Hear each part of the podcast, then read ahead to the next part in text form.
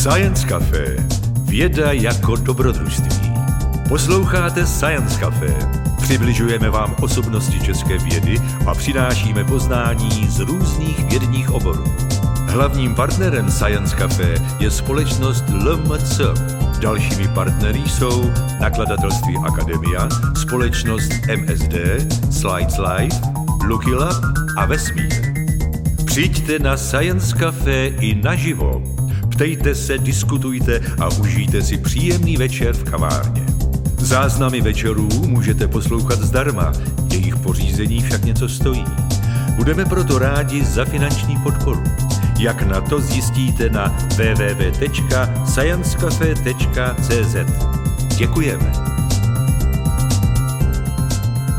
Takže vážení a milí, to slovo tekutá vlastně znamená, že žijeme v době, která je anomická. Staré zákony neplatí, nový ještě nejsou. Proto se tolik krade, proto se tak strašně lže, ano, a všechno se to bere jako normální. To slovo tekuté patří filozofům, je velice známé a to slovo identita, eh, to je tak trošku nepřesné ode mě, protože my v té filozofii tu identitu, totožnost chápeme jinak než stejnost, ale o tom až za chvilku. Proč je ta dnešní doba anomická? Nomos je řecký zákon. A znamená zápor. Ano?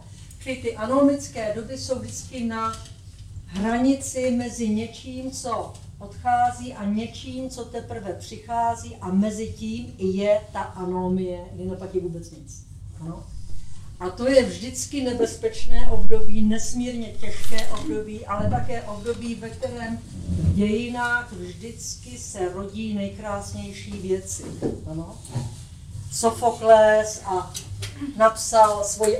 Ježiš, moc krát. Antigonu právě v této době. Shakespeare byl v této době. Ty doby, které jsou hraniční, jsou nejdůležitější v dějinách. Proč? Protože tam lidé žijí v napětí bytostného tázání. V té filozofii jsou nejdůležitější otázky. A z toho bytostného tázání v člověku se rodí pak vhledy do podstaty věcí a ty jsou podle nás nejdůležitějším projevem vzdělaného člověka. Ty vhledy se nazývají synagogé nebo komponére latinsky. Synagoga je řecky, i když synagoga je židovská, že jo? Synagoga je řecky a komponére je latinsky. A jde tam o to, že protože ten člověk se nachází v nejistotě a je hledající, tak se v něm rodí takzvaná privace. Privace je, když cítíte, že ve vaší duši je nedostatek toho, co je podstatné. Že tam máte spoustu blbostí, spoustu věcí, které jsou logické a tak dále, ale to, co je podstatné pro vás, život tam není. Ano? To tam prostě není, to schází. Tomu se říká privace, samozřejmě psychologové to tak převzali, mají z toho privaci, to je něco jiného, ano. Ale privace je staré slovo, které patří Platónovi, přišel na to on sám, a my teď teprve se někdy o tom dovídáme, že ty moderní věci jsou v podstatě šíleně staré, ale tak je to v té filozofii vždycky. Čili když ten člověk žije v napětí toho tázání a prodlévá v tom a nenachází to podstatné, tak eh, tato fáze života není vůbec špatná fáze. Až tam právě zraje to, co je strašně důležité. Ano. To myšlení se už od těch starých řeků nazývá usebírání, což se řecky řekne legejín. Ano?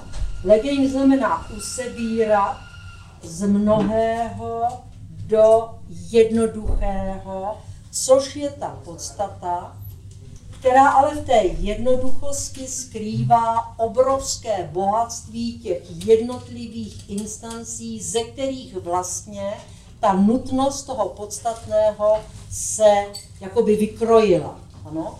To usebrání je legein a od toho slova legein je logos. A logos znamená slovo, větu, soud, úsudek, rozum, vědu, prostě má nekonečné množství významů a ve všech těch významech je ta intence usebírání. Ano?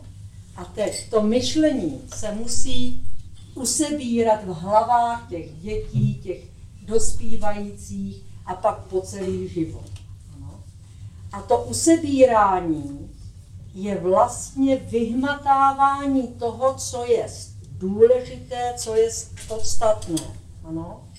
A proto Platón v dialogu Sofistés píše, že se to, co máme v hlavě, musí nejdřív protřást, aby to nepodstatné vypadlo, jako plevy od zrn, ano.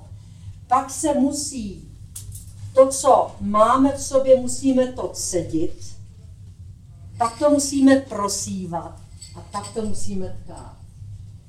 Tohle, celé ten dlouhatánský proces toho usebírání, toho legejín, je něco, co vlastně člověk dělá po celý život. A my dneska víme, že když v jisté fázi toho vývoje dítěte se neudělá to, co pro jeho věk je to podstatné, takže už to nikdy nedohoní. No? A teď toto je tedy ten způsob myšlení, který je typický pro tu Evropu, která prolonguje samozřejmě do těch ostatních států, do těch ostatních částí toho světa. A teď přichází myšlení digitální. Teď všechny ajťáky urazím. Je to průšvih. To digitální myšlení totiž je myšlení nominalistické, Pan kolega filozof ví, co to je nominalismus a realismus. To je taky prastará věc ze středověku. A v tom nominalismu a realismu šlo o to, co je podstatou. A ten nominalista řekne, podstatou této věci, na kterou ukazuje můj prst, můj prst se mne digitus, latinsky, ano, podstatou této věci je jméno, které zní sklenice. Ano? A to jméno se řekne latinsky nomen a tento nomen se stává podstatou toho, co vidíte. Ano? Čili tady není to obrovské usebírání, to vyhledávání, vyhmatávání, modelování, nacházení, ztrácení, bloudění, to, co k životu patří. Ano?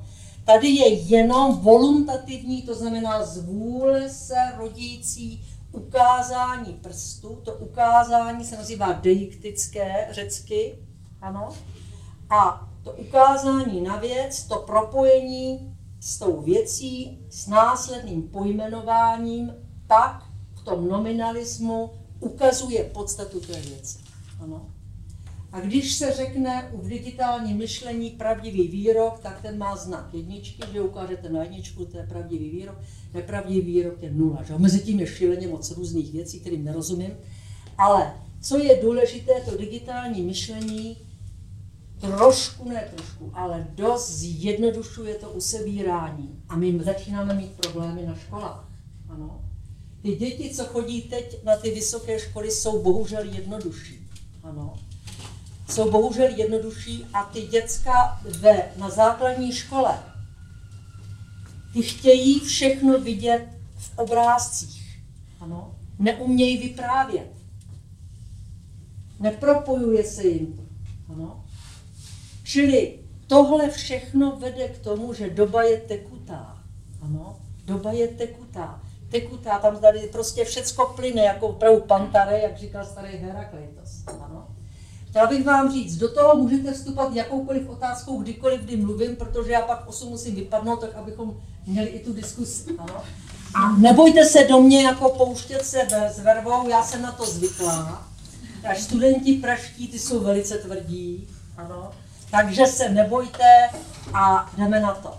Čili ta doba tekutá vzniká z toho, že ten newtonovský světonázor, ano, kde ta hmota, pohyb, prostor, čas byly vlastně čtyři kategorie vedle sebe a tak dále, že jo. tak to prostě odchází, měl dneska pohyb, prostor, čas, to všecko je vlastně prolnuto v jednu věc, že jo? A máme tady Einsteina, Maxwella, Maxe Plancka, kvantovou mechaniku a máme tady spoustu věcí, jako třeba Boylot Mandelbrot a jeho problém fraktálu, kde část v sobě obsahuje celek, což nikdy z empirie jsme nepoznali. Ano. Čili tady je spousta věcí, která přichází od fyziků hlavně a od těch teoretických fyziků, které nám bourají naše jistoty. No. Proto je ta doba tekutá. Bourají ty jistoty, které byly po staletí nespochybnitelné že část je vždycky menší než celek. Ano? Dnes ta část obsahuje v sobě zavinutý celek.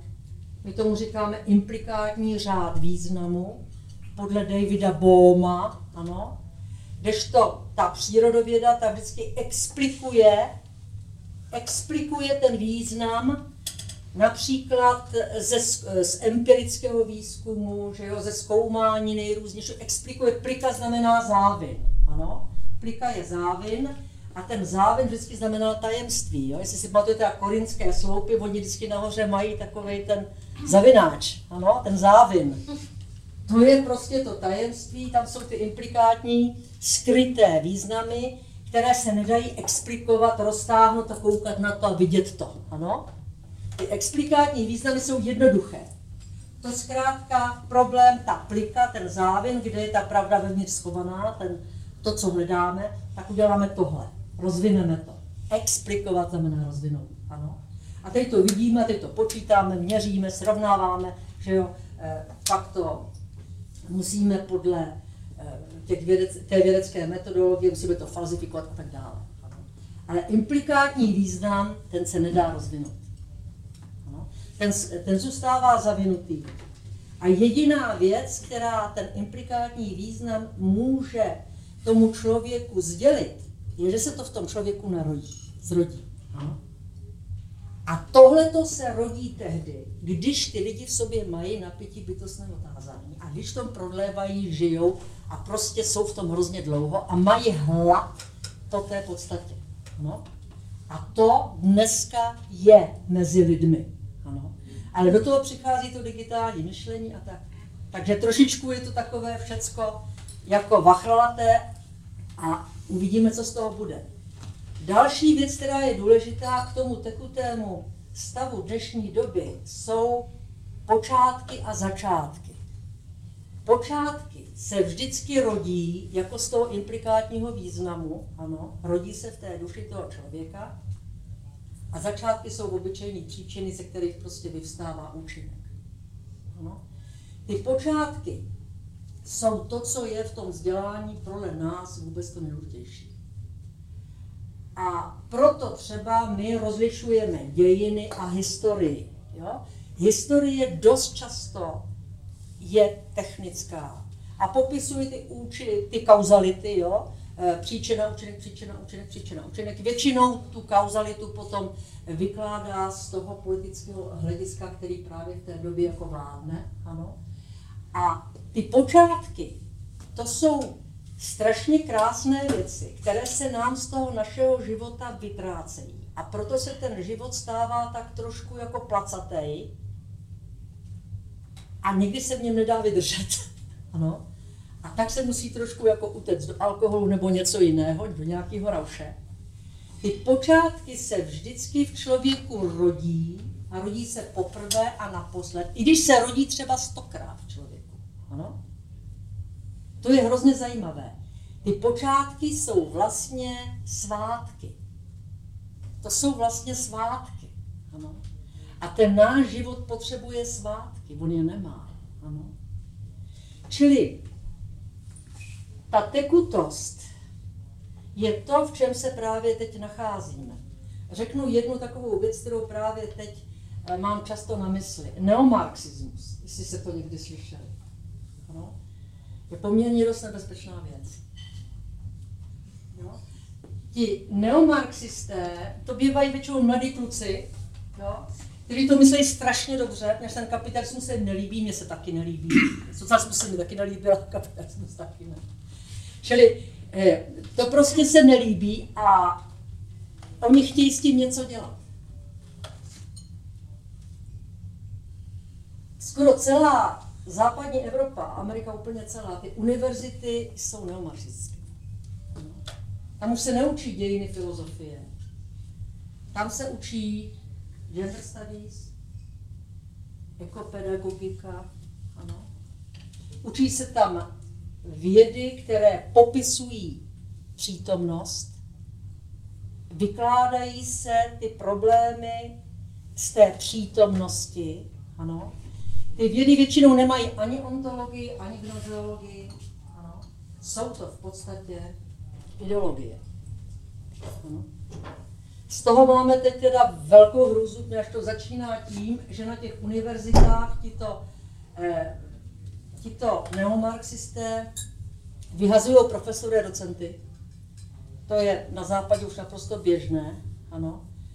A začíná se vykládat ta současnost jako tak něco tekutého, že se tam vůbec nemáte čeho Pravda je, nepravda není, jo? Eh, pravda je i není, ano? Nebo třeba, já nevím, co říkají, nemám žádné hodnoty, nebudu mít nikdy žádné hodnoty, ano? Jo, je tam taková ta svoboda, která je neuvěřitelně liberální. Ale je liberální proto, protože neznají počátky.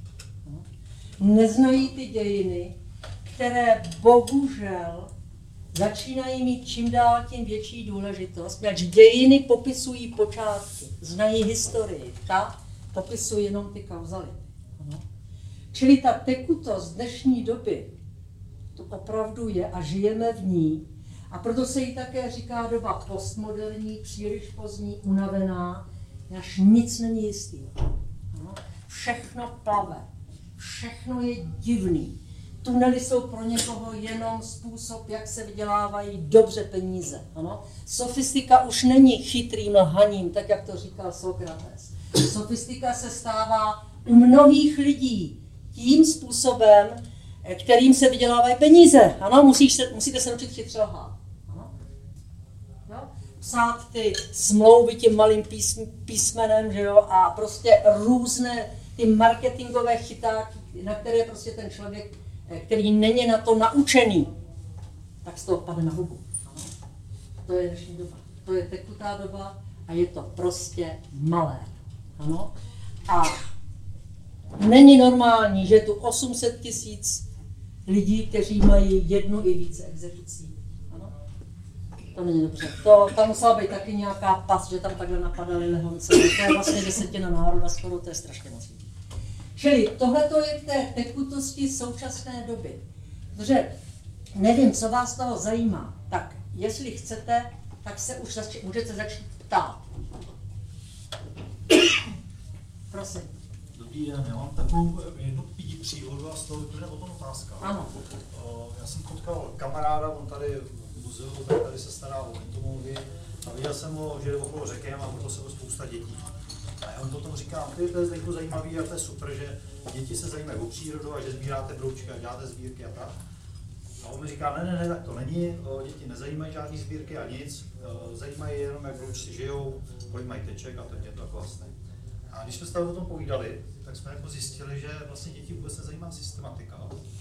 Jakoby nezajímá to, že je nějaký střelník fialový, ten střelník, to je mis, to je členovec, to je bla, bla, bla ale že když to jako zjednoduším, že jsou zvyklí na to, že na Google najdou rovnou výsledek, že to je středních fialový a vůbec se nedokážou zařadit, takže to je taková ta horizontální úroveň znalostí.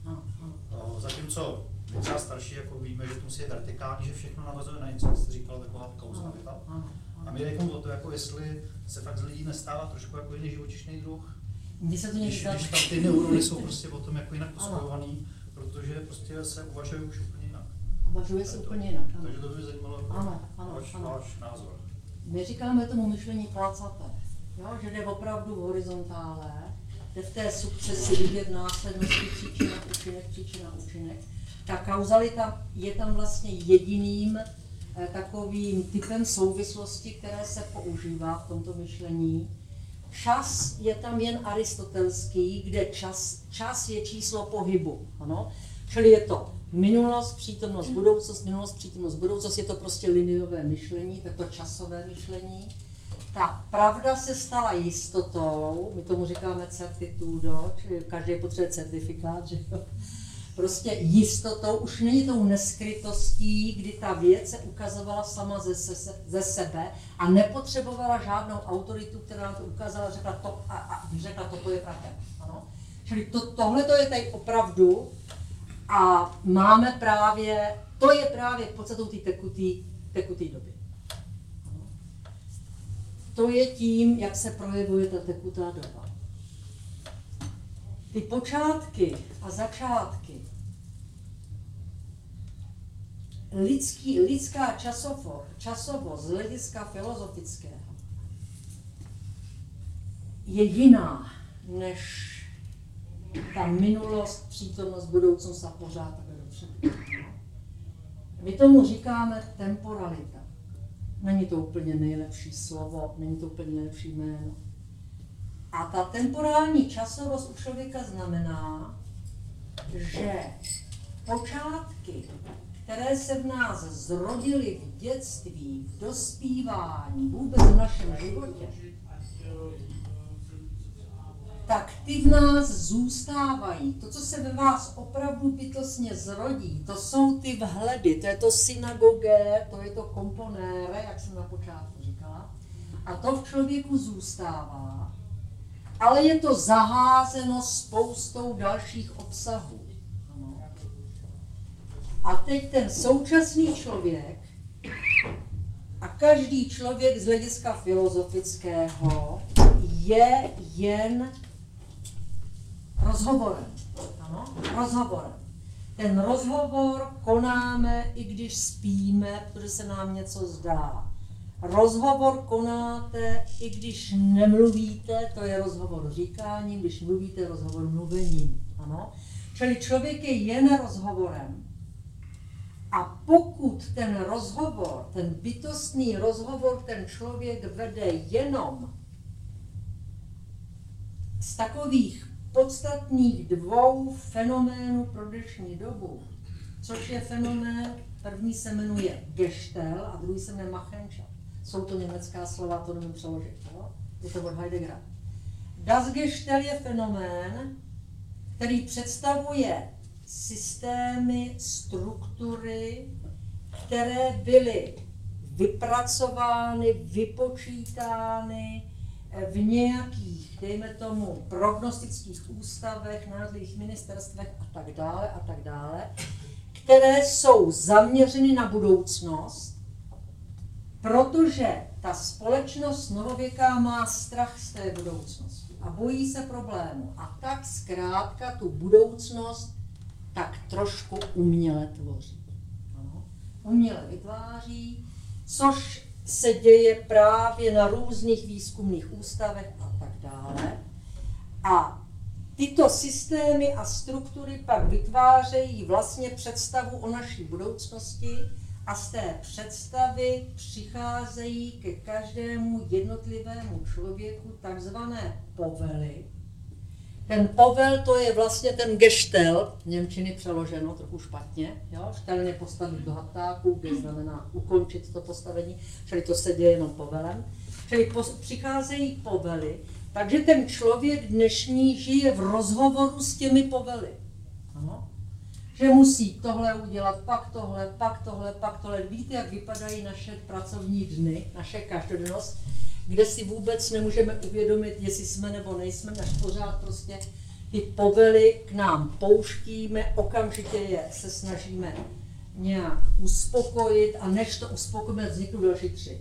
Jo? Čili tohle to je ten rozhovor toho současného člověka.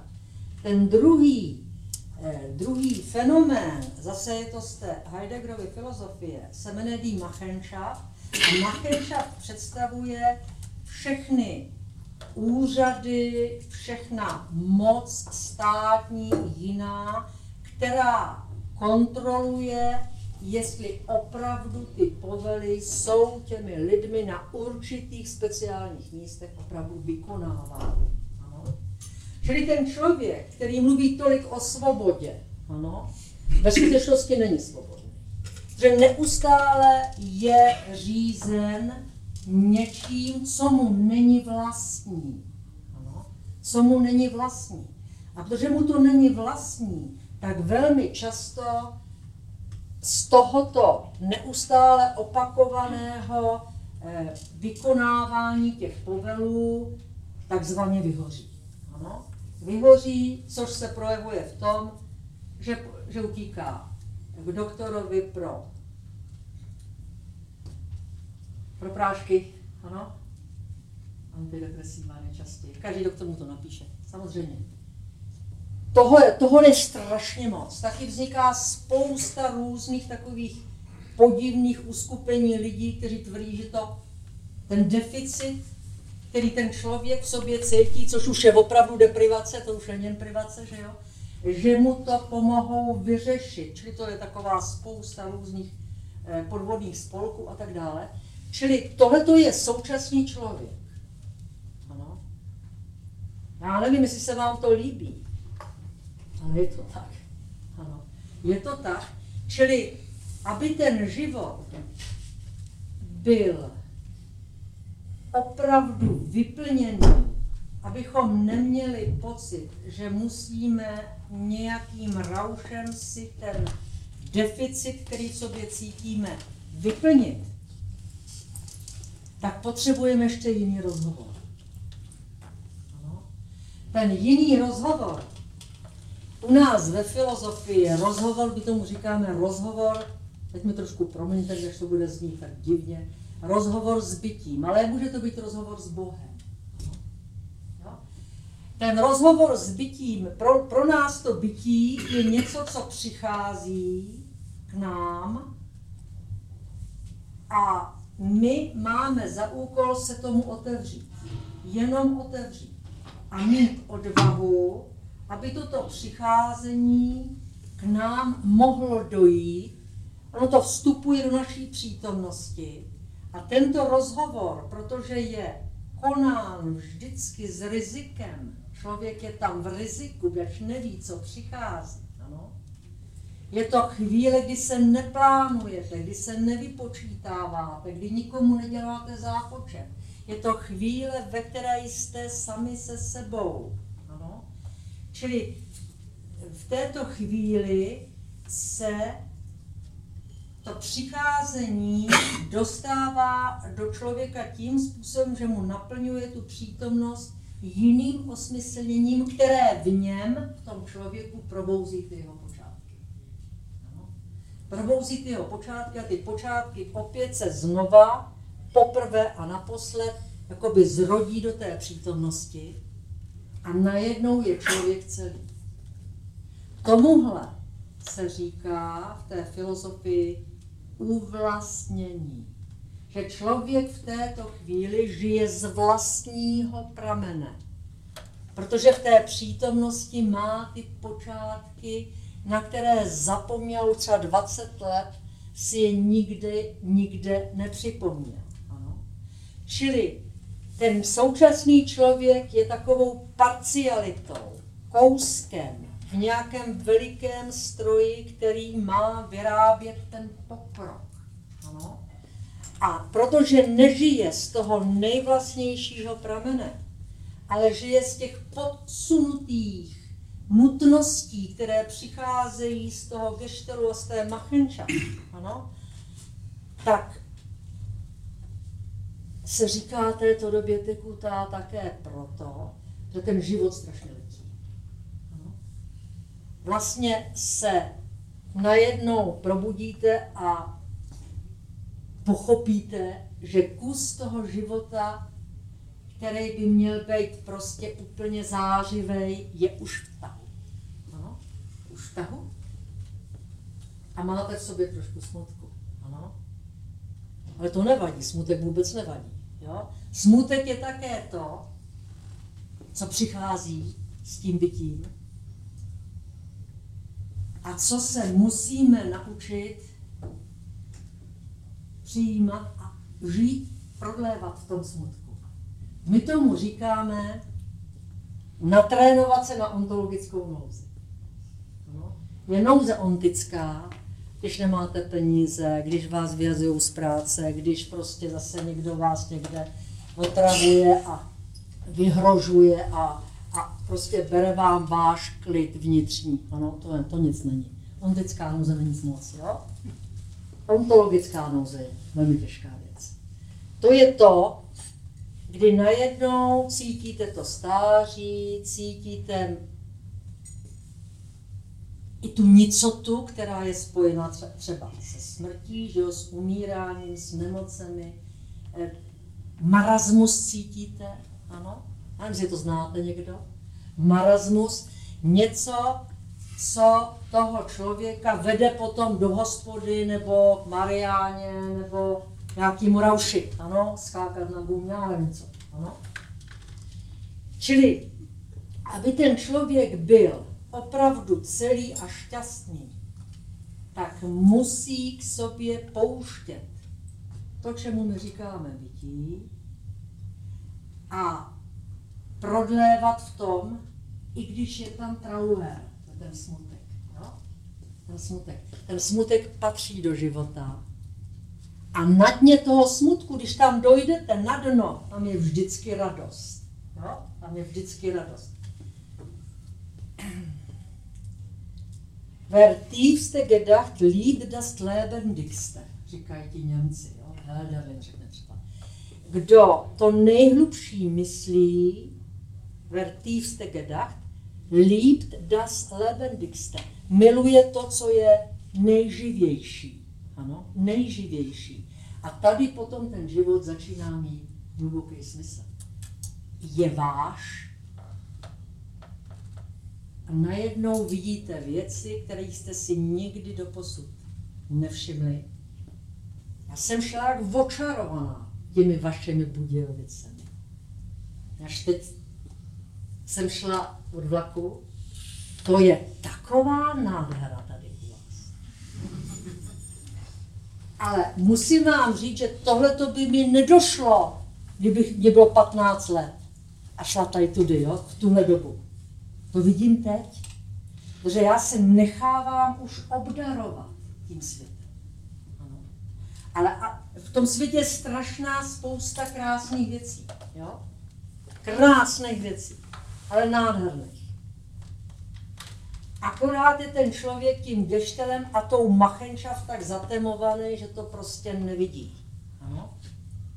A do toho vzdělávání, do té vědy, patří to, že musíme se naučit být v rozhovoru s tím přesažným, s tím, co není výslovné, nedá se to vyslovit. Úplně terminologicky to nejde. Ale pokud to člověk v sobě nosí, tak třeba zpívá, tak já nevím, píše básničky, nebo píše knížky, nebo prostě něco dělá, ano. Protože to musí z něj ven. A když je to nevýslovný, tak se to musí tak, jak se to vyslovit dá. Ano, v té první, druhé, třetí aproximaci. Ano. Čili tohle je něco, co proti té tekuté době je takovou možností záchrany.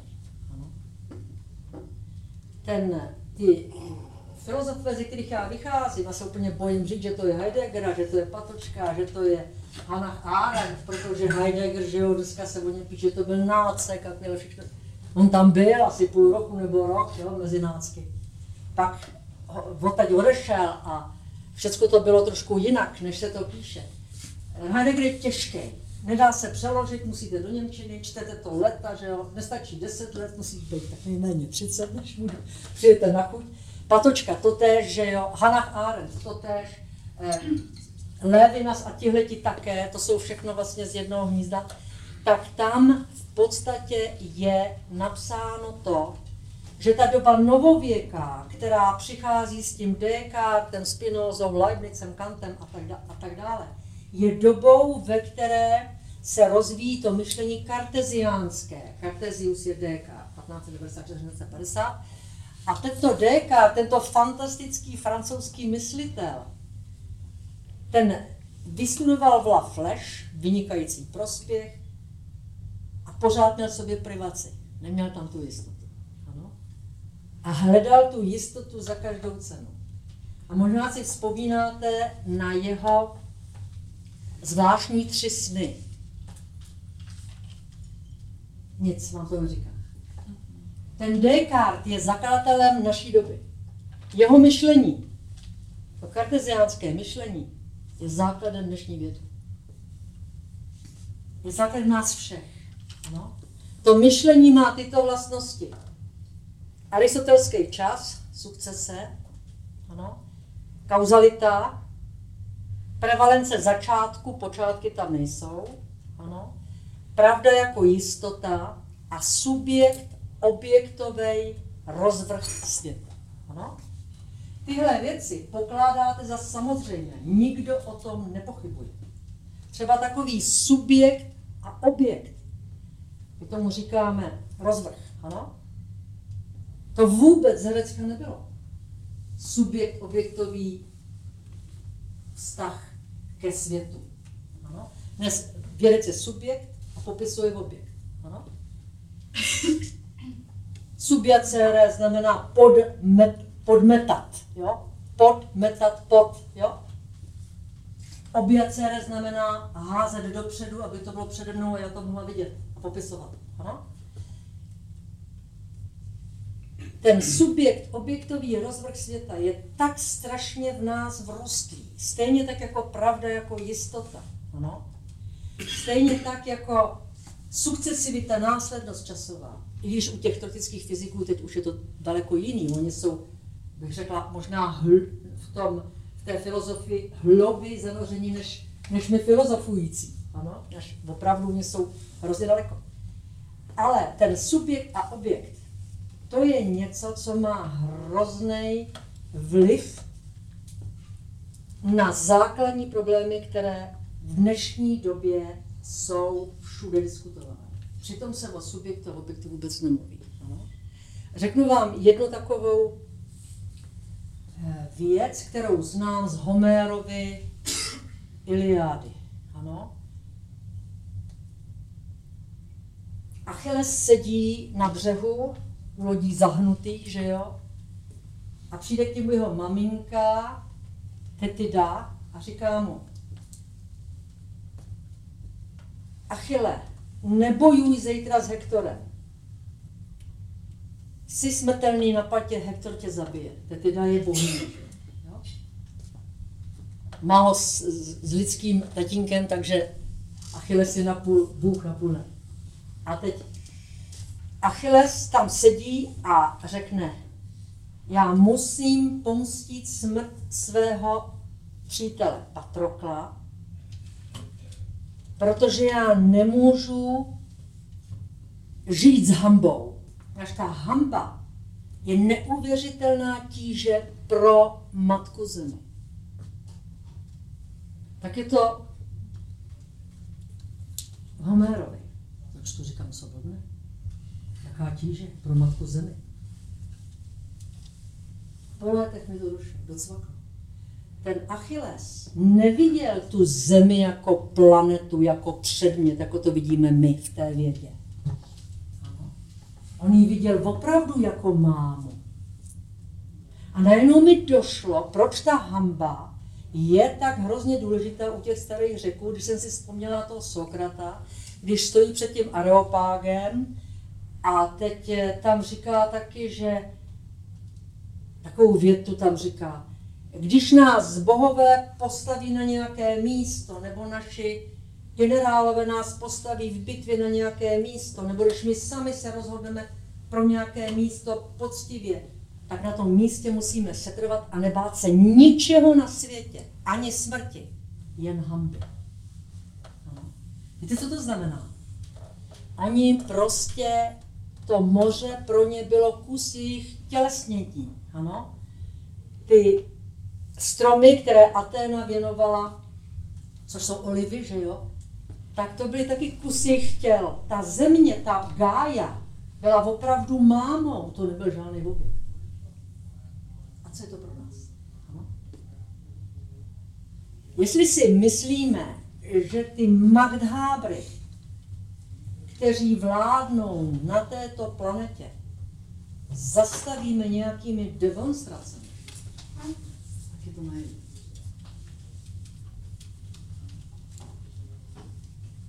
Čili ty klimatické problémy, ty mají svou hloubku právě v té subjekt, objektové struktuře, ve které se rodí samozřejmost našeho chápání světa.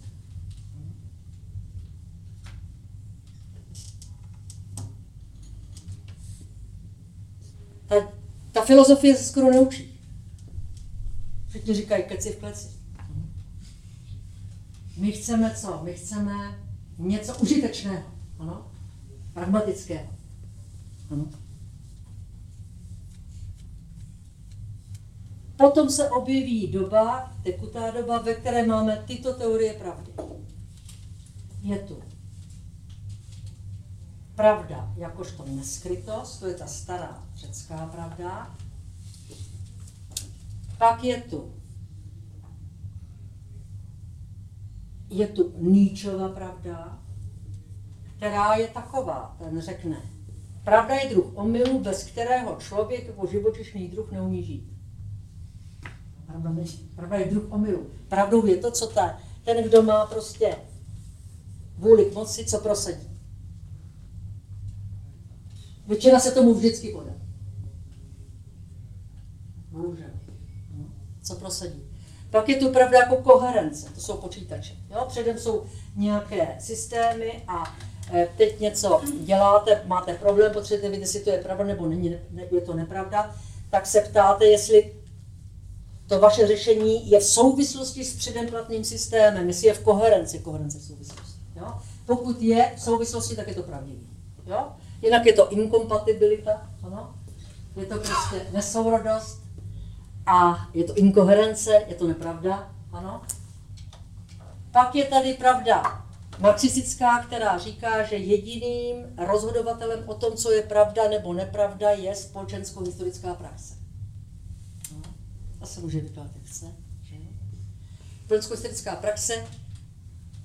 Pak je tady koherence, korespondence, která zase patří angličanům a američanům. Venku prší, ten výrok je pravdivý, tehdy a tehdy, když opravdu venku padá voda, je to teda v korespondenci, ano. Pak je tady adekvácio rei et intellectus, to je schoda myšlenky se skutečností. To je taková teorie pravdy, které většina věří a většina také tu pravdu tak chápe. Ale tady jde o to, co se pod tou schodou myslí do toho, co to je ta schoda mezi myšlenkou a skutečností, tak do toho vstupuje voluntativita, vůle, která je přetavena, vychází to od těch Magdháborů, od těch největších bank, si myslím vždycky, od Fedu amerického a tak dále, a přechází to pak do těch, do těch médií. Ano. Tam se to přetaví tak, aby to bylo stravitelné. A Proto se té době říká tekutá nebo postmoderní. Řekne vám, řeknu vám filozofové, v dnešní době má pravdu každý. No, každý má svou vlastní pravdu. Čili není žádná jedna. Přitom, když řekne, každý má svou vlastní pravdu, tak to je výrok, který platí pro všechny. Jo? Čili tím se už vlastně jako zruší, ale to většinou jim prostě nevadí. Čili ta doba je opravdu obtížná a musíme v ní vydržet až do smrti. Ano. ano. A co teda můžeme dělat, když se nám to třeba nelíbí? Když jste říkala, že na Magd Hábry demonstrace má moc, můžeme, tak co může člověk dělat, když chce změnit věci a je jenom sám jedinec? To No, ne, docházím se, když se ptali Hagedra, jo, co jako se má dělat proti tomu. On říká, jen nějaký Bůh nám může pomoct. No to nikdo neví. A že aspoň půjde na demonstraci. Jo. Se poklepou se oklepou, nerozbilo se to. No, to se pozná. To je trošku problém. No. Dnešní doba je opravdu, v té filozofii se vidí takto. Ano. A teď ještě k takovému celkovému pohledu dobu. V každé době, která je v dějinách filozofie, tak je vždycky nějaká podstata bytí. Veškeré, veškerých soucen ve všeho vůbec. Ano? Tohle zkoumá vždycky v té filozofii ontologie. Jo? Ontologie. Od toho pak vzniká nějaká gnozeologie, což je teorie poznávání, ano? A pak od toho vzniká nějaká etika. Čili každá filozofie má ontologii, gnozeologii a etiku. Ano? A ta dnešní doba je také eonem, to znamená stádiem vývoje a má tou podstatou bytí to, co vymyslel ten Nietzsche 1844 až 1900, vymyslel to na konci 19. století a nazval tak i tu svou poslední knížku, která se jmenuje Der Wille zur Macht, to znamená vůle k moci. Ano? Čili to, co je podstatou v dnešní době, je vůle k moci.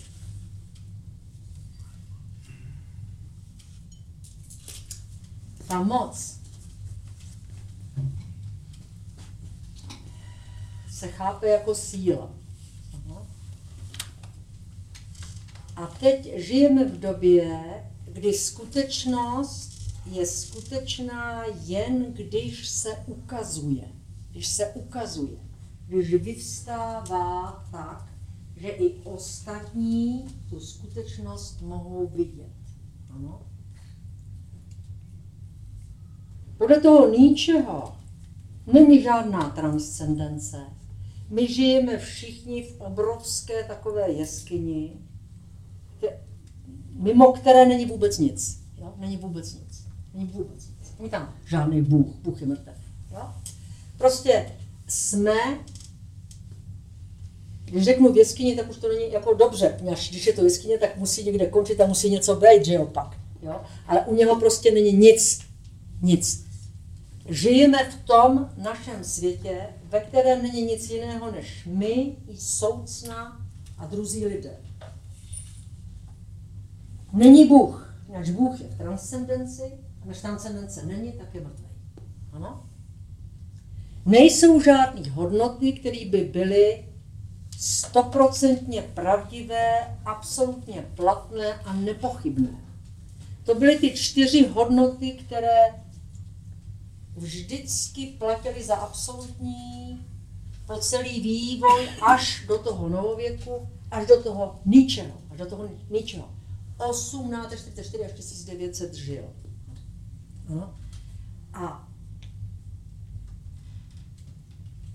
když tedy žijeme v takovém světě a chceme, abychom byli skuteční, tak máme jenom jednu jedinou možnost. A to je projevovat se svou vůli k moci. Nemáme jinou možnost. Nemáme jinou. Protože ta moc je silou, tak dnešní člověk je odsouzen neustále zvyšovat svou osobní sílu na tom místě, kde pracuje, kde je. Že síla přestává být silou, když samu sebe nepřerůstá. Tohle je past, ve které se ocitá současný Evropan. Američan ještě víc, ty úplně blbnou.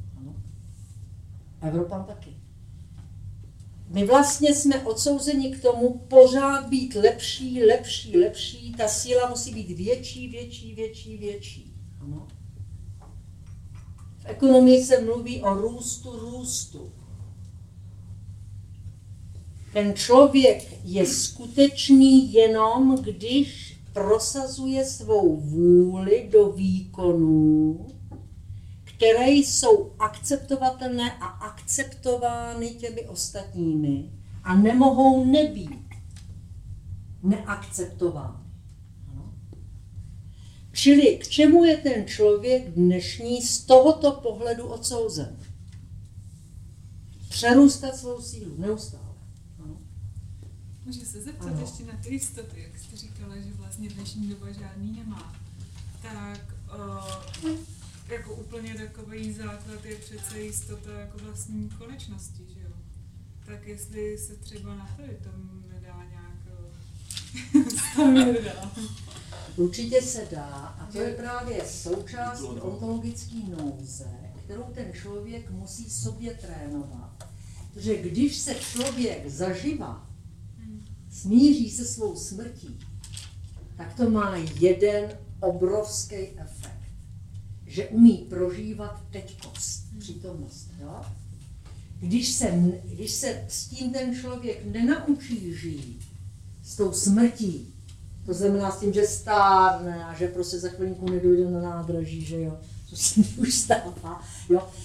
Když se s tím nena, nesmíří, tak neumí prožívat přítomnost. A když neprožívá přítomnost, tak ten život mu nepatří. Jo? Proto vlastně ten člověk potřebuje rauš, než tam vlastně tu přítomnost prožívá. Že jo? Dá si čtyři piva, prostě bezvadný. Jo? Je to bezvadný, nebo jako, já nevím, co to baštíte a tak dále. Prosím. Mohl bych se pozeptat, prosím, ta otázka by směřovala na způsob života. Ano. Popisovala vlastně člověka, který, řekněme se, usebírá, Ano. Žije z toho vlastního pramene. Ano. A potom vlastně jste mluvila o takové době, o době, která je symbolizovaná vůlí k moci Ano. a digitální myšlení. Ano. Tak eh, ten dotaz by byl, Já vás od někud znám, pane kolego, ne? jo, my se vydáme na kontakt. Aha. Dobře, jo, už vím. Šílený. Ano. Ale zajímalo by mě, když No. bych si představil člověka, který řekněme žije z toho vlastního pramene a Ano. zároveň žije v době, která je tekutá, Ano. tak jakým způsobem vlastně v této době má žít, když třeba práci, kde to okolo sebe bude cítit, vidět, tak jakým způsobem se má chovat, jak má třeba přemýšlet. Ano, ano, ano. Hezká myšlenka, to je vlastně ta základní.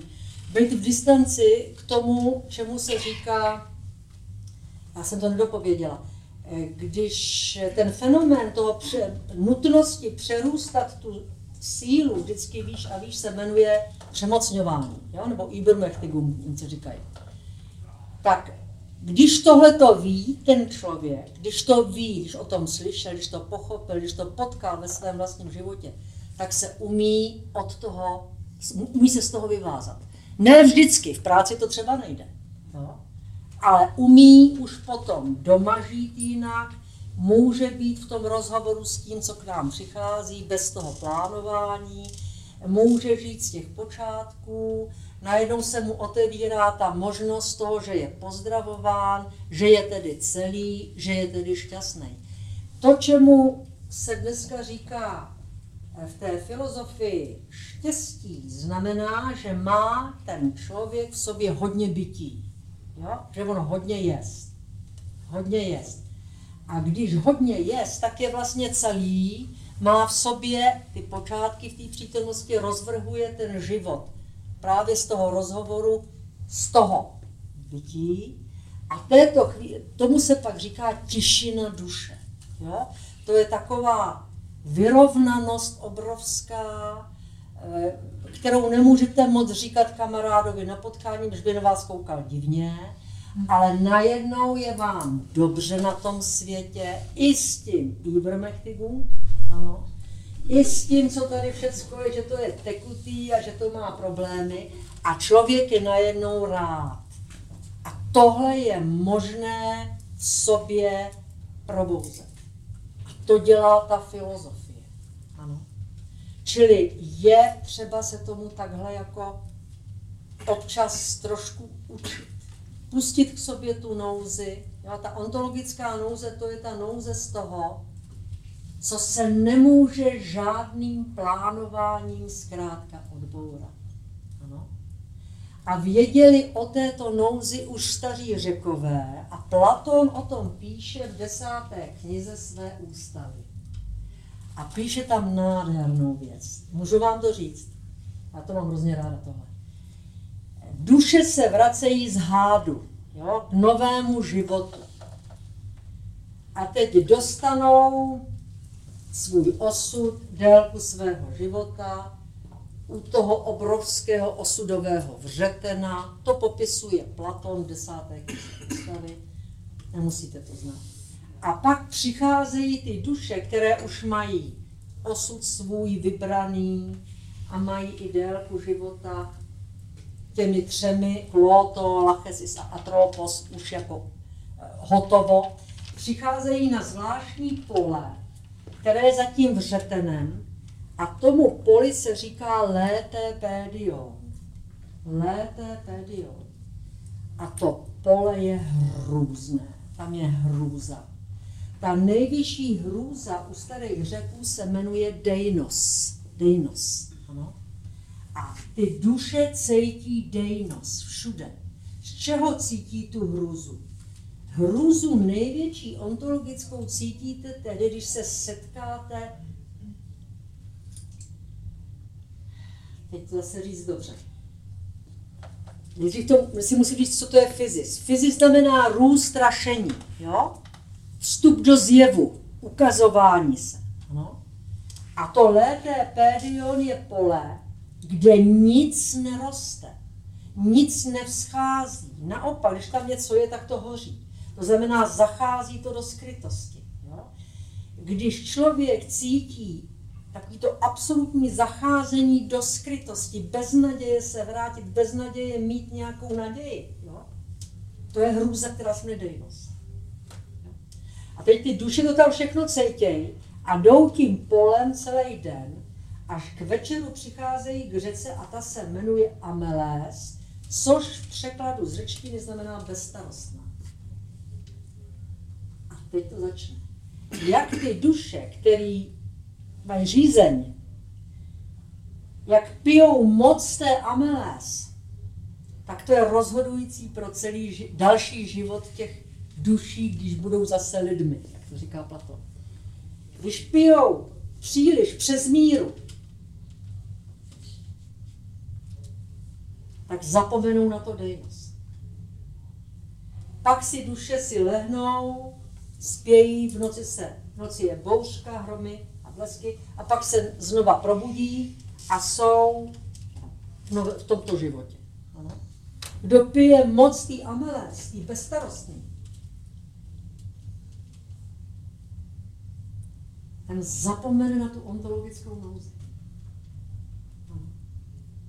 Zapomene na tu hrůzu, které my říkáme antifyzis, to znamená opak toho vystupování do zjevu a všechno zapadá do skrytosti, která je beznadějná. Jestli se vám zdají takový sny a pak se probudíte, jste šťastní, že jste prostě byli jenom sen, jo?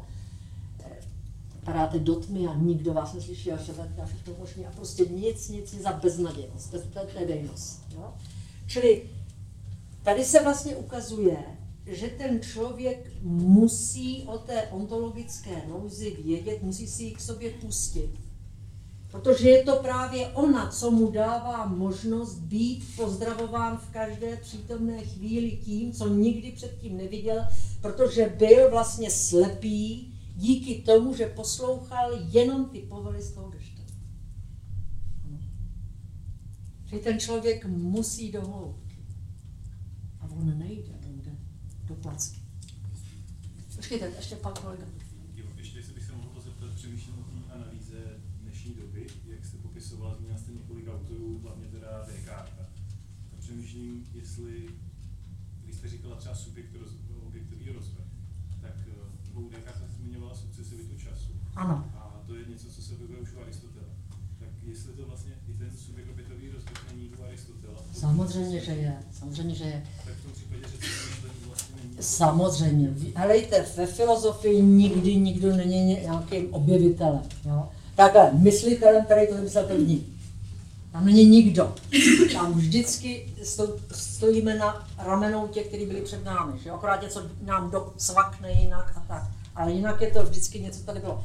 Aristoteles právě v tom, v té temporalitě, kterou on nebral vážně, se liší od toho Platóna. Jo? to taky v tom, že on nebere ten chorismos, je vidět zase. Eh, a Aristoteles a jeho způsob myšlení, jeho organon, což je spousta logických spisů, jako je sofistické důkazy a e, topiky první, druhé, analytiky první a druhé a o a tak dále. To, co je prostě základem současné vlastně logiky a vědeckosti, tak eh, on je základem vědy, Aristoteles. Ale pravdou je, že Aristoteles zůstal až do konce svého života stejně platonikem. On, Aristoteles, neznal ten chorismos, ale to zase se už asi nebudu plést. Eh, tak, pane kolego, tam jste se ptal. No, já chci takhle.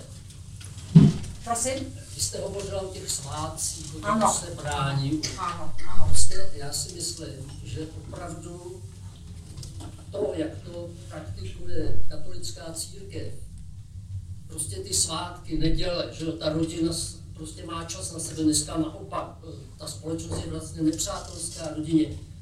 Maminky od dětí sedí u pokladen ne, o neděli, že jo, mají volno třeba v úterý, že jo, děti ve škole.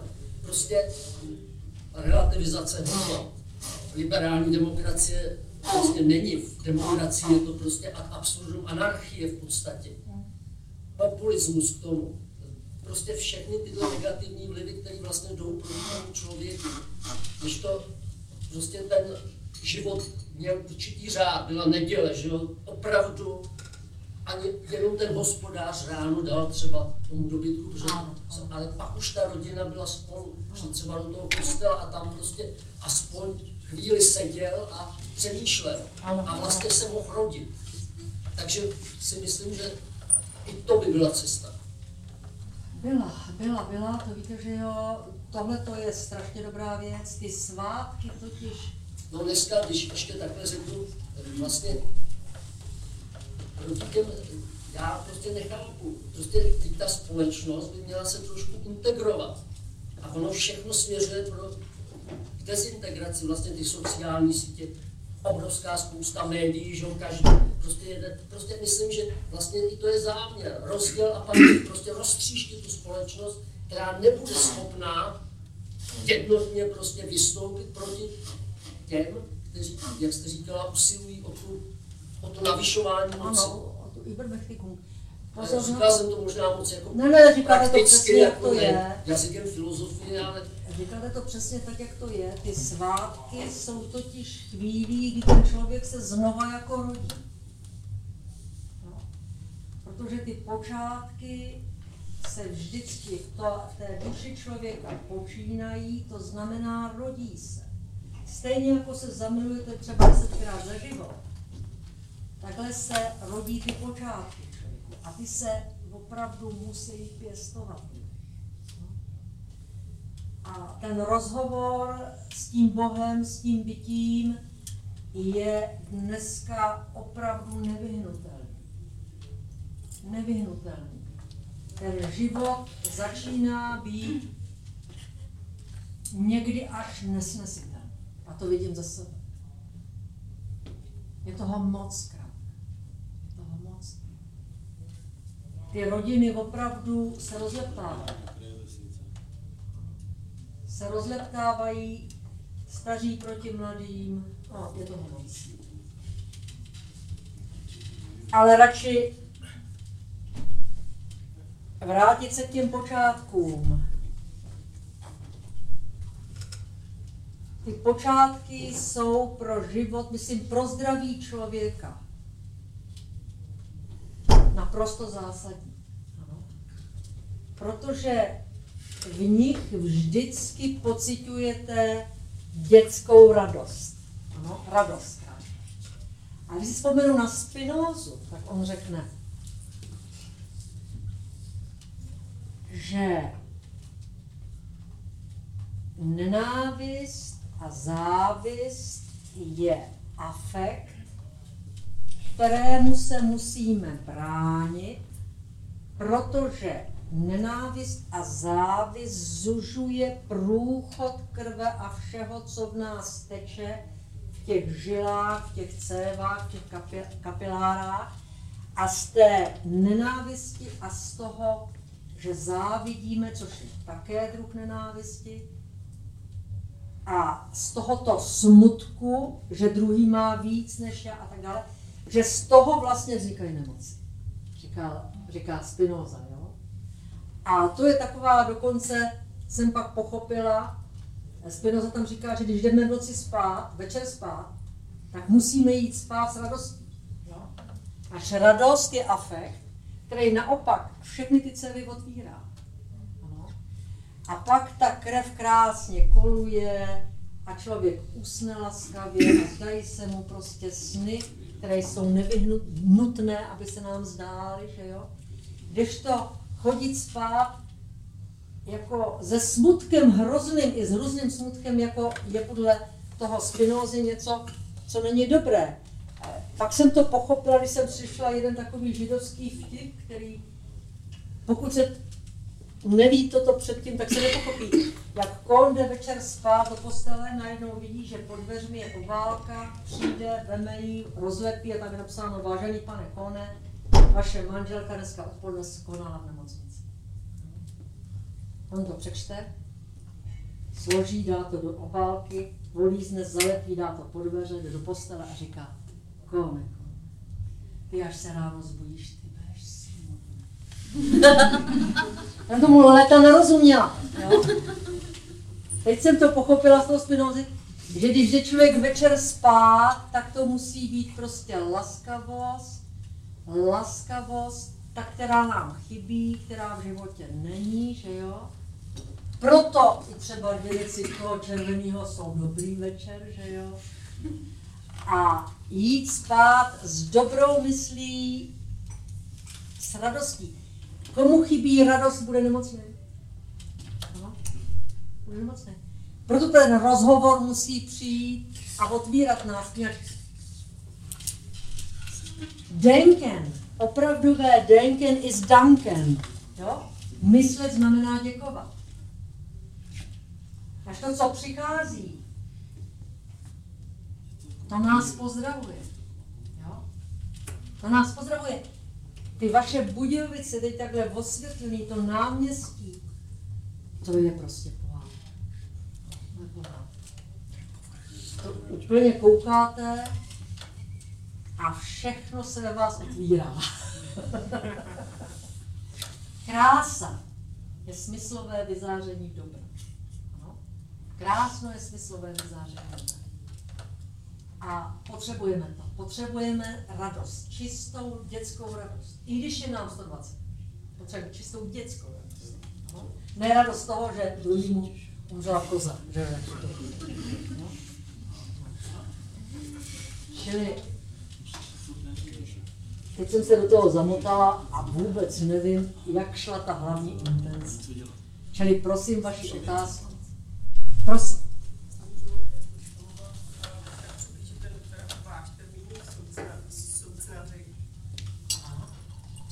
Soucnaři jsou lidé, kteří neví o bytí. Jo? Neví o bytí a žijí jenom z těch soucen. Jo? To jsou prostě ty super materialisté. Žijí jenom uvnitř těch soucen a neumějí mít tu radost dětskou. A nepustí k sobě nikdy ontologickou nouzi a nežijí pro přítomnost, žijí v předběhu, žijí pořád v plánování budoucnosti. Honí se, jsou v tom Übermächtigung, jo, v tom přemocňování. Ten kapitalismus, ten prostě z každého člověka vyšťaví všechny síly. No, vy to víte. Jo? My v tý, na té univerzitě pořád musíme vyplňovat nějaké papíry to asi máte skoro všude, na všech školách, že jo. Takže tu spousta lidí v té machenčách, to jsou ty úřady různý, a ty musí vykazovat svou práci. A pořád na nás chtějí to samé, co jsme publikovali a kde a proč a jak. A to vlastně musíte vždycky znova a znova si na to vzpomínat. A čím víc publikujete, tím je to horší. prostě, jako by v tom životě bylo strašně moc takových zbytečností, Dokonce i ty starosti, které někdy nám přicházejí z té Evropy k nám. Říkám, proč to je? Proč to je? Ano?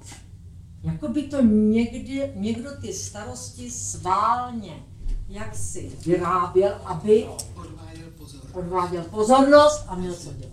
Jo? To je to, co mě někdy připadne. No.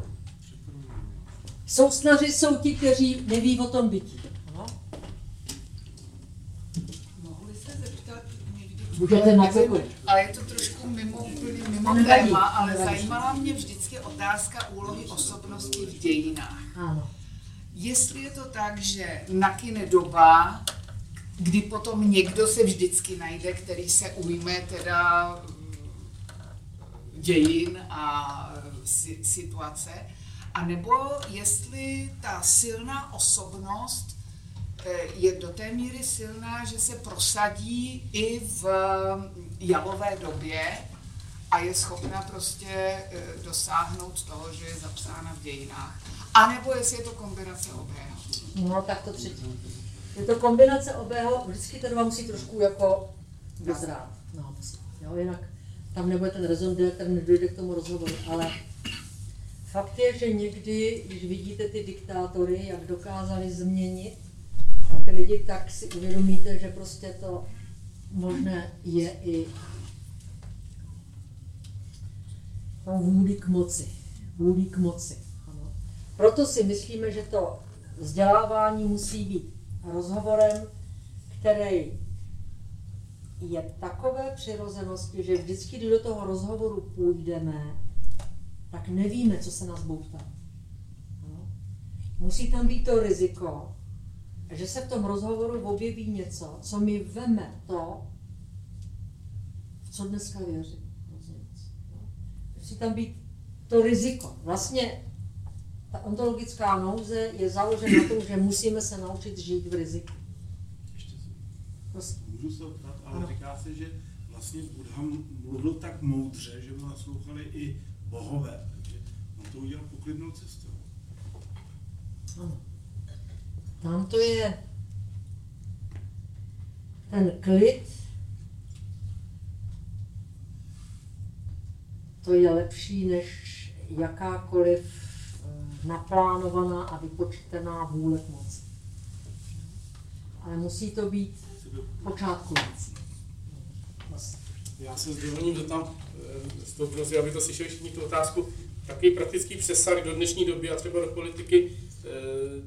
Vzpomenu si na Fukuyamu a na jeho posledního člověka, a že on tam vlastně vychází z Hegla a vychází tam vlastně z toho Timosu a takové té snahy o nějaké jako seberealizaci a uznání a pak to vlastně de facto v tom praktickém slova smyslu převálcoval Huntington s tím střetem civilizací jak jakoby pohlížíte, protože vlastně ten Fukuyama sám postupem času trošku jakoby od toho odstoupil a řekl, že to je takový trošičku naivní pohled na ten svět. Do jaké míry dneska třeba tohle, ta touha po tom uznání tom světě jako hraje tu roli a do jaké míry třeba jakoby ten Hegel a ten, ten Fukuyama, který z něj vycházel, když se on ho sám trošku jakoby vzdal, jestli to ještě nějak jakoby má význam a přesahuje to a, a do jaké míry třeba se s tím dá dneska jakoby počítat a tak. Ano, ano. Neomarxisté vycházejí hlavně z Hegla. A ten Hegel tam má, prosím, Ne, pardon, že si na ně Majzla jsem řekl.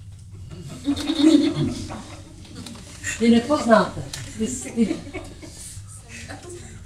Tam je, jejich plán je takzvaná dlouhá cesta skrz instituce.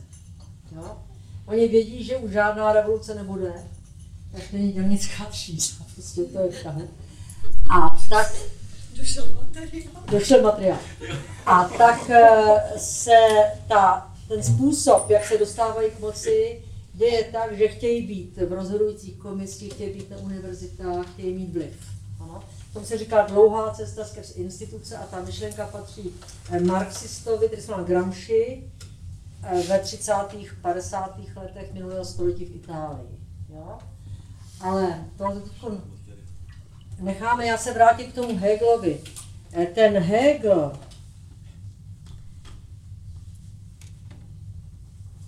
to je zvláštní filozof, neuvěřitelně hluboký filozof, který vám řekne, že podstatou světa je absolutní duch a ten absolutní duch chce poznat sebe samého.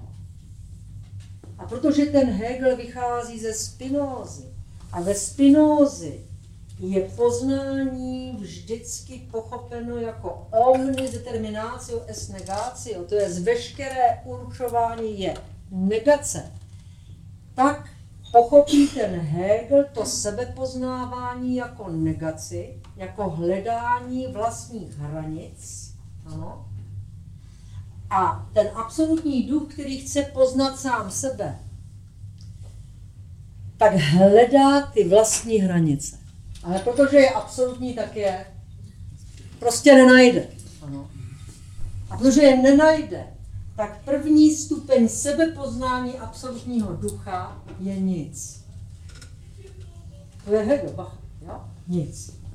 A teď to nic vstupuje do absolutního ducha, absolutní duch do nic a syntéza těchto dvou stupňů se jmenuje dění a to je třetí stupeň jeho triády, které se říká dialektika. No? On tam má vždycky tézy, antitézy a syntézy. To by dal Marx. No? Tézy, antitézy a syntézy, to přebral Marx.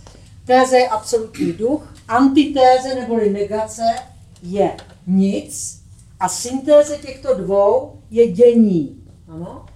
A dění zase musí být negováno. To znamená, to dění hledá své hranice a vznikne z toho kvalita. A kvalita je prvním stupněm druhé triády. A ta kvalita se definuje jako Kvalita je bezprostřední určenost totožná s děním.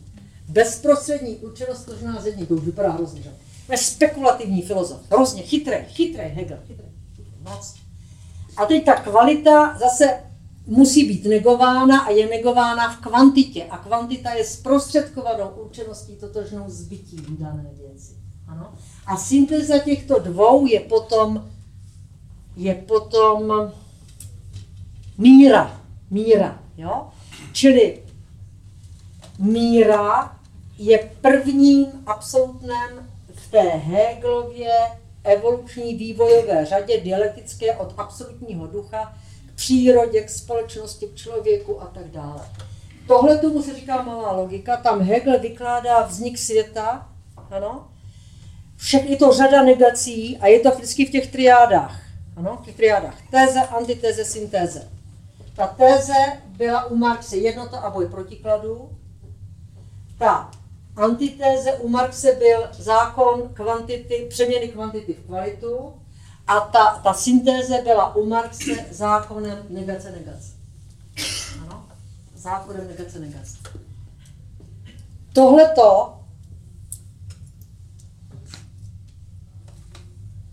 je trošku nebezpečná věc jak někdo začne přemýšlet v těch triádách a prostě je adoruje zbožní a tohle to je základ dějin, tak nemůže nedojít k myšlence, že doposud filozofové světem vykládali nám, jde o to ten svět změnit. To je jedenáctá teze Marxova o Feuerbachovi, na základě které musíme ten svět měnit a jak? Vůli k moci. Tady se vlastně spojuje s tím. Nemáte někdo Lexaurin? Omlouvám se. Já to neudržel. to se smí. tak tohleto, tohleto byl Hegel, čili jestli si pamatujete na Mao Tse-tunga, tak ten tu dialektiku pochopil jen tak, z těch blbých překladů z Němčiny do ruštiny a ještě z blbějších z ruštiny do čínštiny, pochopil to tak, Mao, že důležitá je jenom téze a antitéze. Tu syntézu nikdy nepochopil.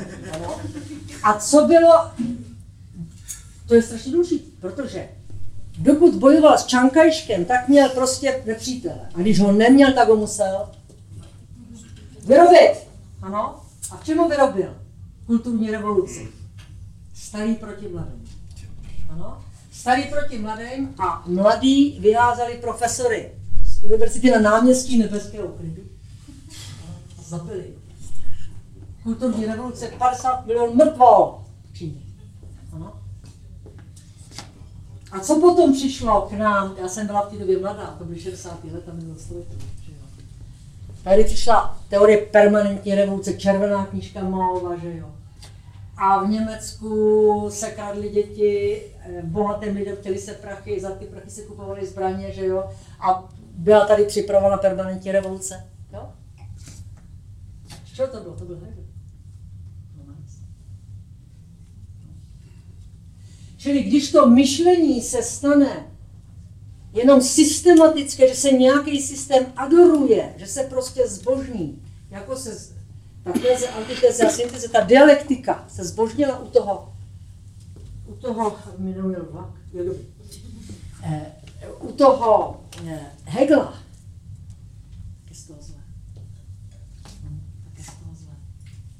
Potom tito revolucionáři budou hledat nepřítele. Když nebude, tak ho budou vyrábět. Mladý, starý. No, ženy, muži. Rodina bez rodiny. Tohle to. Neděje se to teď v souvislosti s environmentalismem a tím hnutím, kdy eh, se tak nějak jako krystalizuje generační rozpor a vážný generační spor. Samozřejmě, Ne, samozřejmě. ne, nerýsuje se to, To se rýsuje úplně nové, všude. nové podobě. Ano, to se rýsuje všude. Já chodím se psem, a už jsem taky stará, že jo. Tak tam mám spoustu kamarádek taky s čoklama, že jo. A jedna mi říká, já jsem o tom přemýšlela, my jsme neviditelní. Ono je to pravda. Ty důchodci, já ještě teda pořád učím, takže to jako je dobrý. Ale když oni potom už nic nedělají, ty mladí na ně nemají čas, jo, tak oni jsou prostě neviditelní. On je nikdo nevidí. Proč? Protože oni už, my žijeme v výkonové společnosti, že jo, to je vlastně výsledek toho Ibermächtigung. A oni už nemají ty výkony, žádný. Oni naopak jenom berou, že jo, protože potřebují důchody. Ještě pořád jim dávají víc na ty důchodské 900 korun ročně, že jo. A teď jich bude daleko víc a víc a víc a víc. No to je hruza. Kdo má ty star, starý dělat, že jo. No?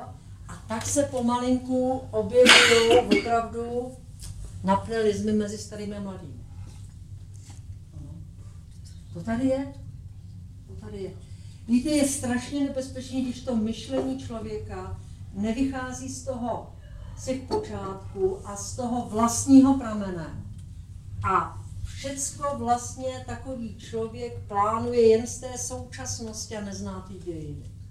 Je třeba znát ty dějiny. Tak a jsem tu teď, na... můžete do mě pálit. Ještě můžu, jestli- Ano. Já už to je poslední otázka, abych si neuzurpoval slovo. Ještě mi napadá jedna taková věc, zase jakoby aplikace do současnosti a týká se to vědy. Pojem třetí kultura. Vy jste to trošku zmínila v souvislosti s tou filozofií a že teoretičtí fyzici se dneska vlastně někteří opravdu dostávají ve filozofii tak hluboko, že už je to ve své vlastní linie.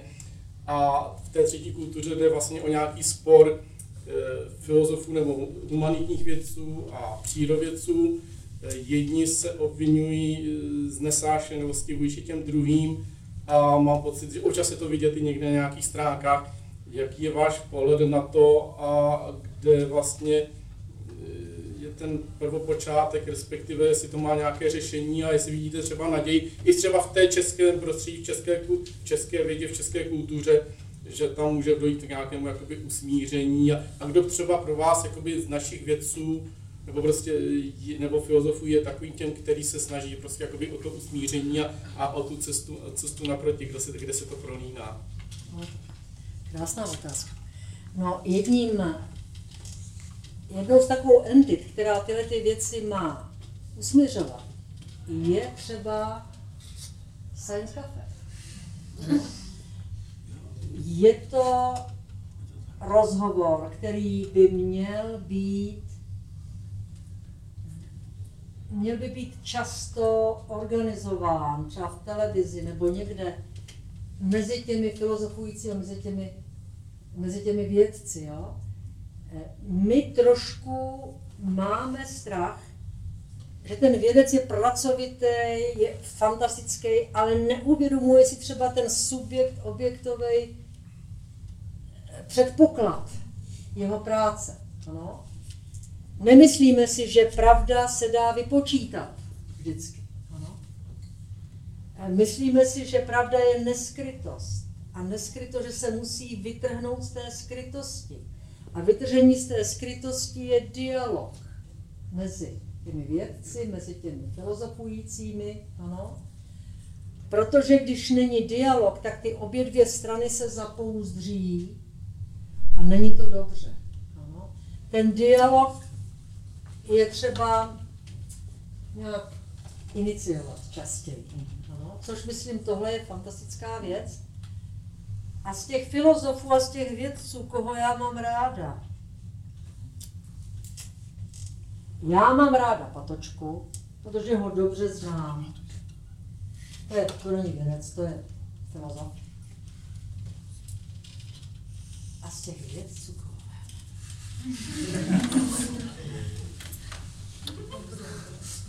Co cílek? Jo, toho mám ráda moc. To mám strašně ráda. Círka moc ráda. Protože právě o příbramských dolech. Co to máš, Sokol? To je taky můj kamarád. Grigár. No? Nebo Grigár. A tam už moc ne. Já si myslím, kdo u nás jako dobře symbolizoval tu, tu syntézu toho světa přírodní víra filozofie, byl třeba Zdeněk Neubauer. To byl můj kamarád. No, Zdeněk Neubauer je fantastický člověk, bohužel nám umřel, Zdeněk Kratochvíl taky. No. Je vynikající, to jsou taky přírodovědní eh, filozofové. Ta filozofie je vlastně v úpadku. On ji nikdo nepotřebuje, nechce se, jo? je to taková, jak jsem říkala, u dětí ve škole říkají, to jsou keci v peci. A to má špatný. Ale kdo jednou se jako trošku k ní přičichne, tak už je ztracený. A takových lidí je hodně. Takových lidí, takových těch samorostů, těch je strašně hodně. Můžu se ještě? Ano. Co si myslíte o takových knížkách jako Gibran, Prorok a takovéhle věci? To jsou krásné věci. Jsou úžasné To věci. jsou nádherné věci. Ve filozofii není pokrok.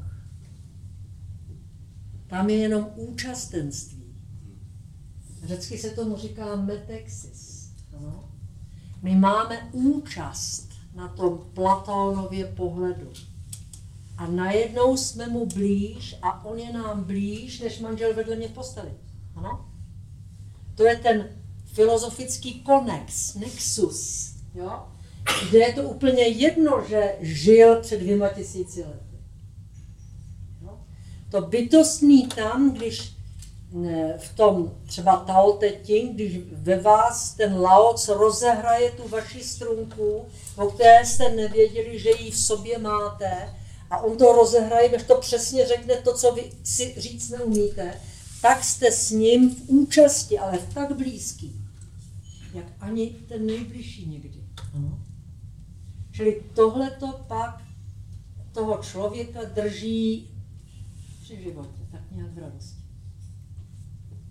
Mě by zajímal váš názor na myšlenky ohledně vývoje vědomí člověka jako lidského druhu. Když teda hovoříme o tom, že není uh, Pokrok. pokrok. Myslíte si, že se uh, člověk jako druh, jako jeden člověk, my všichni bychom byli třeba jeho součástí nebo buňkou, vyvíjí, jako dozrává? Tohle je těžká otázka. Ptáte se mě, jestli věřím v evoluci a jestli věřím v pokrok, že? Já vám řeknu, že mnohdy cítím, že to, co se skrývá pod slovem pokrok, tak je jenom mýtus. Jo? Mýtus je, mytologický člověk dříve ví, než se ptá. Jo? A vina se tam vyne, to znamená dědí se z otce na syna. Ale to, že ten člověk ten moderní mýtický člověk je ten, kdo se neptá, kdo bere, bere prostě ty jistoty pravdy jako něco samozřejmého a neprocedí to, nevytřese to sebou samým. Jo? A tohle je, myslím, velká chyba. Vygooglej, vygooglej, no. Eh, samozřejmost je největší skrytost. Jo? Eh, ta média, která umějí jakoby podsouvat samozřejmosti, ovládnou svět. Samozřejmost, jakmile něco samozřejmé, už je to prostě, už musíte o to pryč. Už musíte přemýšlet proč. Jo? Tam je něco. Samozřejmost je největší modus skrytosti. Jo? Ta filozofie teda tady jde o tu metexis, účastenství, mít účast na hloubce toho myšlení, která ale patří mně, mně, mně, je v mém prameni. Já jsem s ní bytostně totéž. Když jste s něčím totéž, tak jste s tím srostlí. Jste jednou věcí. Ano? Když jsou dvě věci stejné, jsou pořád dvě. A v ta metexi znamená, že s tou myšlenkou z toho třeba laoce jste srostlí. On už není cizí člověk. Ano. Vy jste vlastně jednou věcí. A tady už nepotřebujete důkaz nějaké evidence, nějaké pravdivosti. Tady nepotřebujete nikoho, nějakou, nějakou autoritu, která přijde a řekne, máš pravdu. Vy už to nepotřebujete. To nepotřebujete. Tohle je přesně to, co bychom potřebovali. Aby ti lidé byli v metexi srostlí s tou věcí, aby nepotřebovali důkaz o své vlastní pravdivosti od někoho jiného, aby nepotřebovali to certitudo, tu jistotu, která je z něčeho objektivního k ním dodána. Ano? Tohle je teprve člověk, který je osobností, to je člověk dozrálý, to je člověk, který je opravdu člověk. Když to v té vědě, tam to myšlení je protokolární, to je to aristotelské. Ano? kde je ta kauzalita, je tam ta jistota v té pravdě, je tam subjekt, objektový rozvrh, je tam časovost aristotelská a my potřebujeme v tom člověku byla temporalita, aby tam byla ta pravdivost, která už nepřipouští pochybnost. To je ta neskrytost. Jakmile tu věc pochopíte v její neskrytosti,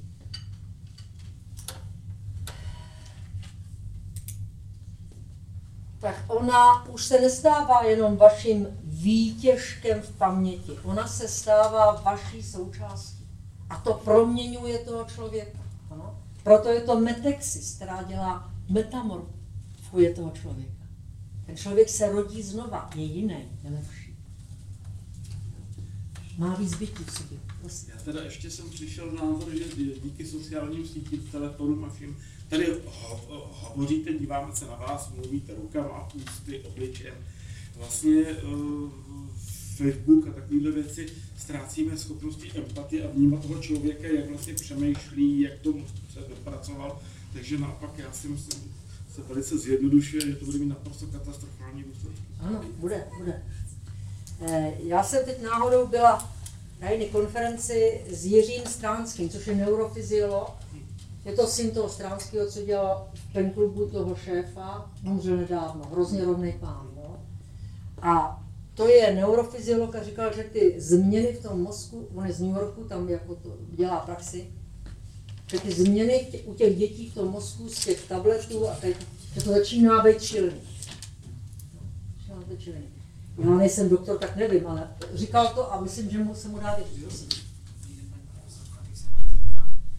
Ohledně toho neomarxismu, co jste zmiňoval už, tak já jsem se setkal vlastně tady s tím tématikou hodně řeší Jiří Flux. A přijde mi, že to řeší jako dost radikálně. Vy jste tak jako, vy jste to jako přinesla do prostoru, ale vlastně jakoby jste dala tu svobodu se k tomu nějak postavit. A mně přijde právě, že ten Jiří Fuchs jako je, je to neskutečná bedna, takže už se vymezuje dost radikálně vůči vlastně všemu mimo ten tu, takže bych se rád vlastně zeptal, jestli tam ta cesta vlastně těch, neomarxistů, kteří navazují na tu frankfurtskou školu, Ano. tak vlastně jestli uh, nebude, ne, to stěžení nebude to, do jaké míry budou ty lidi, co to vyznávají, propojeni. Což dneska máme sociální sítě a vůbec máme přísun, přístup k informacím, tak jestli tam není ten klíč vlastně to, toho, jak se k tomu postavit nebo dostat, skrze to, jak oni vlastně spolu budou ty lidi propojení, kteří budou zastávat ty krásné, ale jako neomarxistické myšlenky. Tam je nebezpečí jenom to, že tohle myšlení nevychází vůbec z žádných počátků. Že to nemá ontologii, že to nemá gnoseologii. To je ideologie. A že to taky může skončit tak, jako to bylo na náměstí nebeského klidu, když se vyházeli ty profesory z okna za brise. jo. To samozřejmě nechci věřit tomu. A ono je to spíš jako postupný, že jo? To je takový, a v tom je to vlastně st- nebezpečnější, tak. že to není to naraz, že bychom teď měli Ano. revoluci, Ano. ale má to nějaký určitý vývoj. Je to ten dlouhý kdy- pochod skrz instituci. No, ale je to hlavně přes já, Je to nebezpečné. Když si třeba vezmete tak uh, milion chvilek pro demokracii, pro demokracii, tak vlastně Mikuláš Minář, můj kolega vlastně se s tím setkal a měli dost to jako, jako rozepři, kdy on je přísný materialista a on je opravdu zastává ty marxistické myšlenky. A to řada lidí nevidí. A myslím si, že v zájmu jakoby něčeho, co je na první dojem dobrý, se dají udělat jako zase neskutečné věci. V tom je to nebezpečí, jo? V tom je to nebezpečí. Tam je spousta taky mladých lidí, kteří opravdu žhnou jako spravedlností a jsou to dobří lidé, jo. Já se nesmíme poděsit, jo. Ale je tam, je to, je to velký. Jo? Víte, v čem je riziko? Tam třeba ty názory jsou tak hrozně liberální, že tam jsou třeba lidé, kteří říkají, nebo si myslí, že projev svobody je, že třeba třikrát za život změníte pohlaví. Jo? Že už eh, v Americe tam je prý už 70 druhů pohlaví, já tomu ani nerozumím. Jo? No, úplný blbosti. Jo? A tohle to se k nám jako trošku jako pod Prahem dostává. No. Já teda osobně z toho mám strach. Můžete být možná konkrétnější, v čem přesně byl Chvilek pro demokracii měl marxistický. No tak jako... Jo, jo, je- má pravdu. Jako, jako, jako když člověk nahlídne to myšlení tady těch lidí, tak to nejsou filozofové třeba jako tady paní profesorka, který prostě, který jakoby nahlídnou nějaký, nějaký něčemu jako hlubšímu, jo, že ono je to, to prostě sjednocuje jako, já nevím, kolik je tam dneska milion lidí, nebo kolik, ale kolik prostě několik set Je tam vůle moci. Jo, A vlastně jako myslím si, že se zatím skrývá jako spíš prospěch těch lidí, co jsou nahoře, než jako nějaká dobrá vůle. Ale nebo- v čem konkrétně? Tím konkrétně jako jeden marxista. Mhm. No tak prostě z toho, už z toho, jaký zastává filozofický postoje. To znamená, že nepřipouští nic, co by bylo prostě imateriální. jo. Tam, tam, ten, tam, jako, já jsem tam nebyl při, eh, při, přítomen a tam šlo prostě o to, že si řešil, nějak, řešil se nějaký filozofický problém a dostal se prostě k tomu, že ten člověk ne, ne, ne, ne, prostě nepřizná uh, existenci něčeho imateriálního. Že myslí právě jenom v těch soucnech, ale ne už jenom vidí. Že prostě mm, podle mě každá filozofie, která prostě je materialistická, tak je to jako redukcionismus. Je to Hmm. něco, je to nějaké redukování. Protože když si prostě člověk vezme, eh, nevím, třeba myšlenku, tak prostě myšlenka jako není něco, na co si můžu sáhnout. že? Nebo prostě, že, že jakoby existují, samozřejmě žijeme v světě, který je materiální, ale existují v něm prostě i ty imateriality, které oni popírají. A to je, ale vlastně to vychází z toho novověkého myšlení a, a je, to, je to jako dost drastický, protože potom vlastně, když třeba přijde jen k otázkám třeba štěstí, tak, tak toho člověka, který je čist, čistý materialista, ten nikdy nemůže být šťastný. Že když prostě se budeme pohybovat v tom, že si můžeme všechno koupit, jako dneska řada lidí si myslí, že si můžou všechno koupit, tak to je taky cesta do pekel. Prostě musí, je to, je to v té filozofii, je to v tom, je to, Je v to tom, tam. že oni nepřipustí, že by existovalo něco materiálního. Svatá pravda, co říkáte? Život. Svatá pravda, co říkáte, ale mluvíme teď o milionu chvilek pro demokracii, což je hnutí, který teda bojuje proti eh, vládní garnituře, s kterou nesouhlasíme. A tam asi tím bych řekla, že A jako je hezký, že jako se- filozofie je jedna věc, Ale z toho to vychází. A způsob. Z toho to vychází. A já neříkám, že to, co dělají ty lidi, je špatně. To vůbec ne. Prostě to, že se sejde 300 tisíc lidí eh, někde na letní, je úžasný. Mám tam řadu známých, kteří tam prostě šli a je to super, že to ty lidi na jednu stranu sjednocuje. Ale já říkám, nepřestaňme být kritičtí i k tomu milionu chvíle. No, Mě, jo, protože jakmile prostě eh, víme, jako co dokáže dáv a víme prostě jako z naší historie, co ta ideologie všechno dokázala, bylo trošku pořád a podobně, tak eh, jenom říkám, nepřestaňme být kritičtí vůči všemu. Nejenom vůči milionu chvilek, ale vlastně vůči tomu, co se nám děje.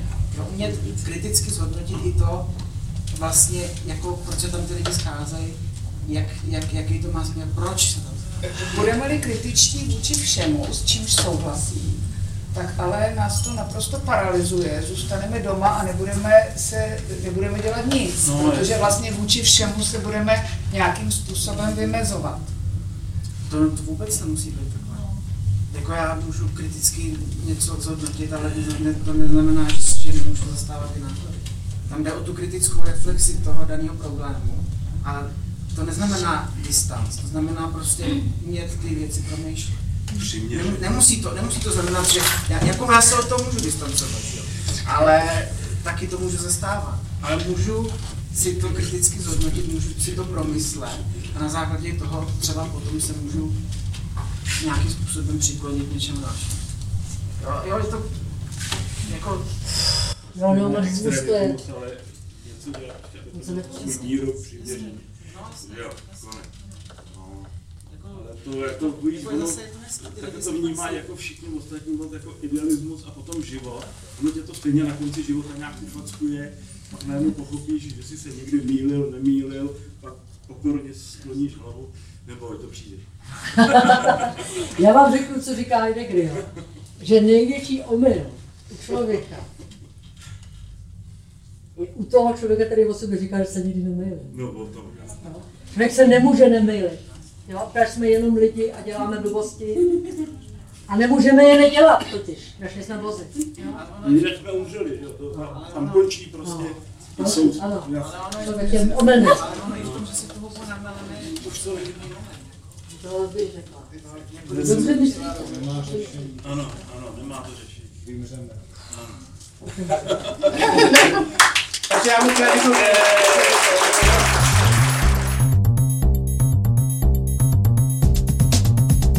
Děkujeme, že jste poslouchali Science Café. Pozvánky na nejbližší akce a možnosti, jak Science Café podpořit, najdete na www.sciencecafe.cz. Další podcasty si můžete poslechnout na SoundCloud, Spotify a slideslife.cz. Science Café. Věda jako dobrodružství.